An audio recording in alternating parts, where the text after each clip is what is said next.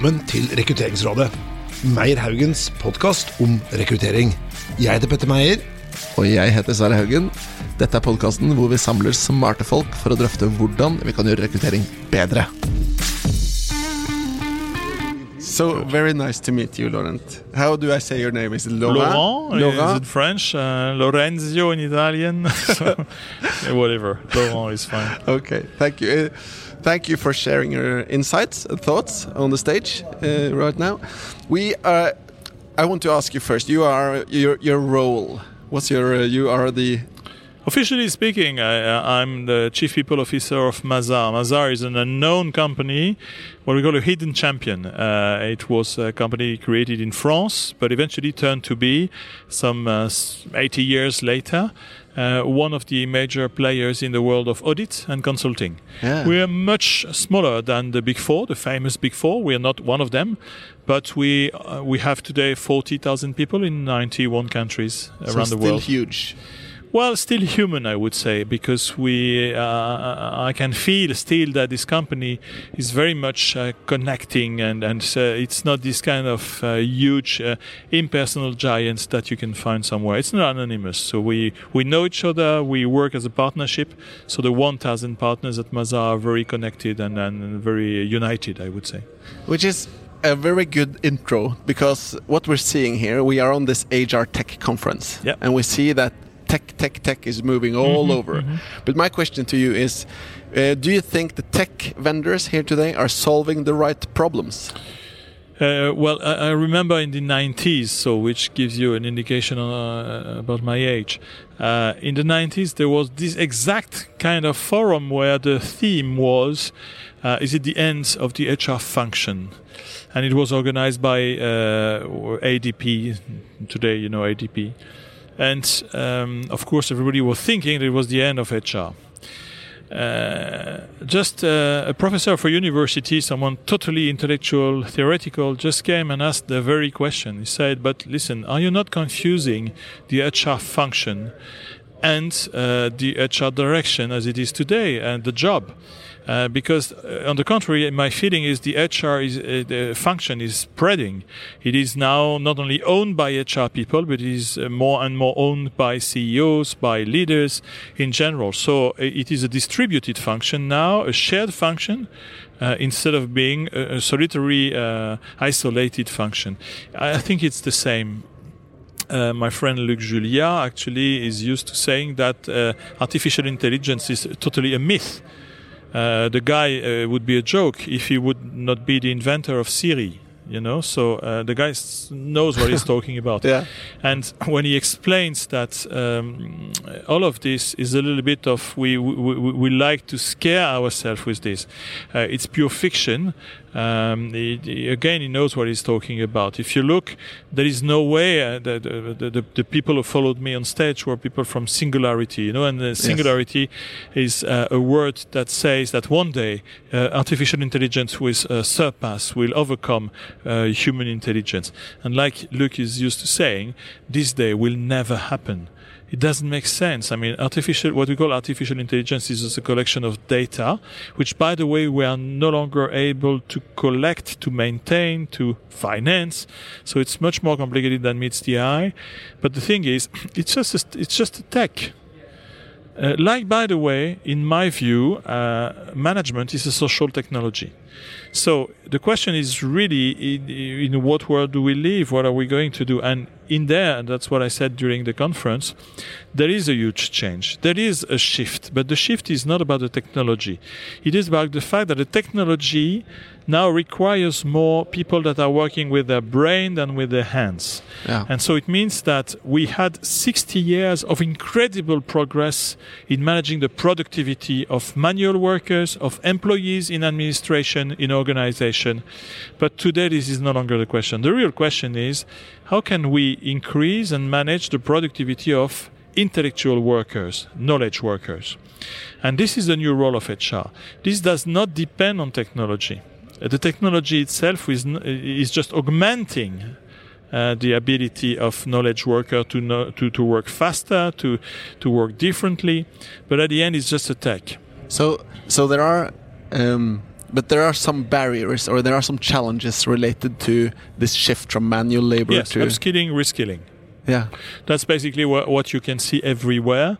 Uh, so there are uh, fads in these kind of conferences where you have a topic that is the hot topic of the moment. So the hot topic in, in HR at the moment is reskilling and upskilling. This is things that you will see everywhere. Uh, and there will be another one after that. It used to be the gen- new generations, and before that we still had other uh, educational things. So very nice. Today, reskilling and upskilling is at the top of the agenda. Uh, one interesting reality is that since the, um, the digital world has been launched, I would say, uh, everybody says, "Oh, it's going to destroy a lot of uh, of jobs." Yes, but it's creating more jobs than it's destroying. Today, if you look in the in the digital area, uh, there is an increase in eight percent uh, in the number of jobs created. So it's not destroying jobs; it's just shifting the jobs from one place to the other, different jobs. And actually, it has always been like this. and which increase or it explains this need for reskilling and upskilling Exactly. That's basically the, the reason why we need to th- think in terms of change. But by the way, uh, and, and I like to insist on this because it's, you know, uh, someone like Linda Hill at Harvard Business School is uh, very much insisting on this. Leading the change is quite different from leading innovation.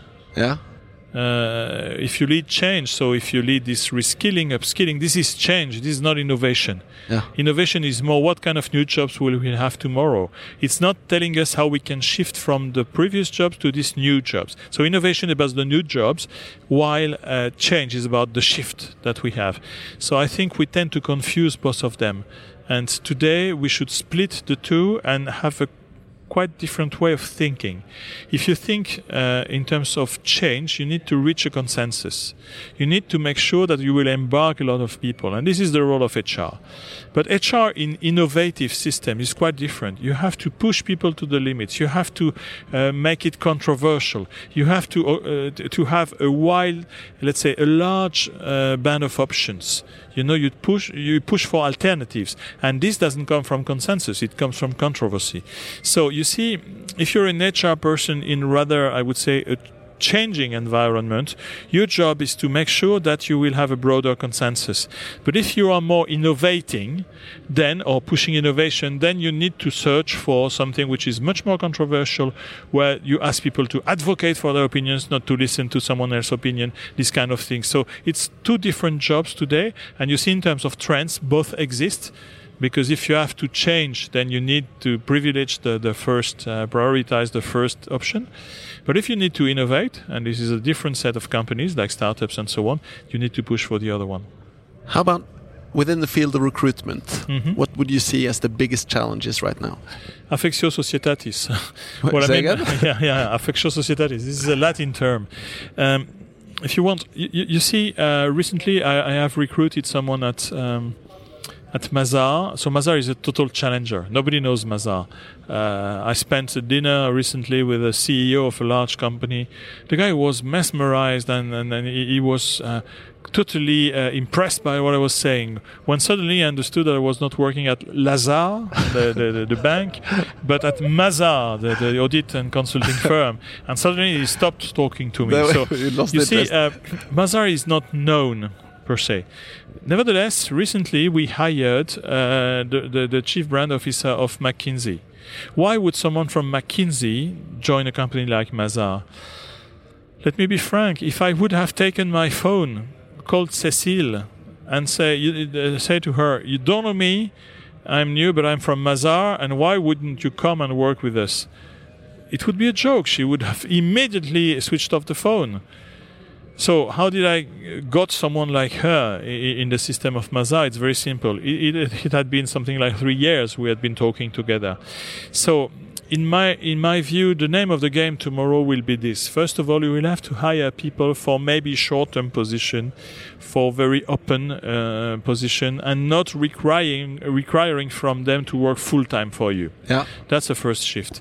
The second shift is for the people who would like to stay with you and to take part in your adventure, then the thing will be you need to talk to people that you have as targets and you say, well, I'd like one day to work with this person. And if you don't have the job, you nevertheless uh, provoke a regular breakfast, a periodic breakfast or dinner or lunch or whatever, an opportunity to talk about your company. And you start creating what we call affectio societatis, which means um, to make people acquainted to your environment, to get to know your company, your enterprise, your firm. And then the day you have the job, when you, you give the phone call, then the person knows exactly why you're, why you're calling and the kind of environment the person could live in. And that's when you can start triggering the, the, the, the adherence of the person to, to your project, you see? I, agree totally. And it sounds, uh, what we say is that we think that trust is the lack. That's the biggest thing. exactly thing. yeah, uh, yeah yeah absolutely and so you see uh, it's uh, if i frame it in one sentence like my friend tammy erickson you, you should read tammy erickson she's really the most important thinker especially in new generations and things like this she says what would make your company iconic? To the young generation or to experienced people? Because what you want to join is an iconic uh, Yeah. organization. And why should your your organization be seen as iconic? So what do you make to make your organization be iconic? It's a very inspirational quote. and actually i forgot to say, say that on stage so i have to go back to the stage and say that right now. But it's an important thing. Yeah. you know Thank you very much, uh, Laurent. tak you're welcome. Very nice. bravo for this initiative and Merci keep in touch. Merci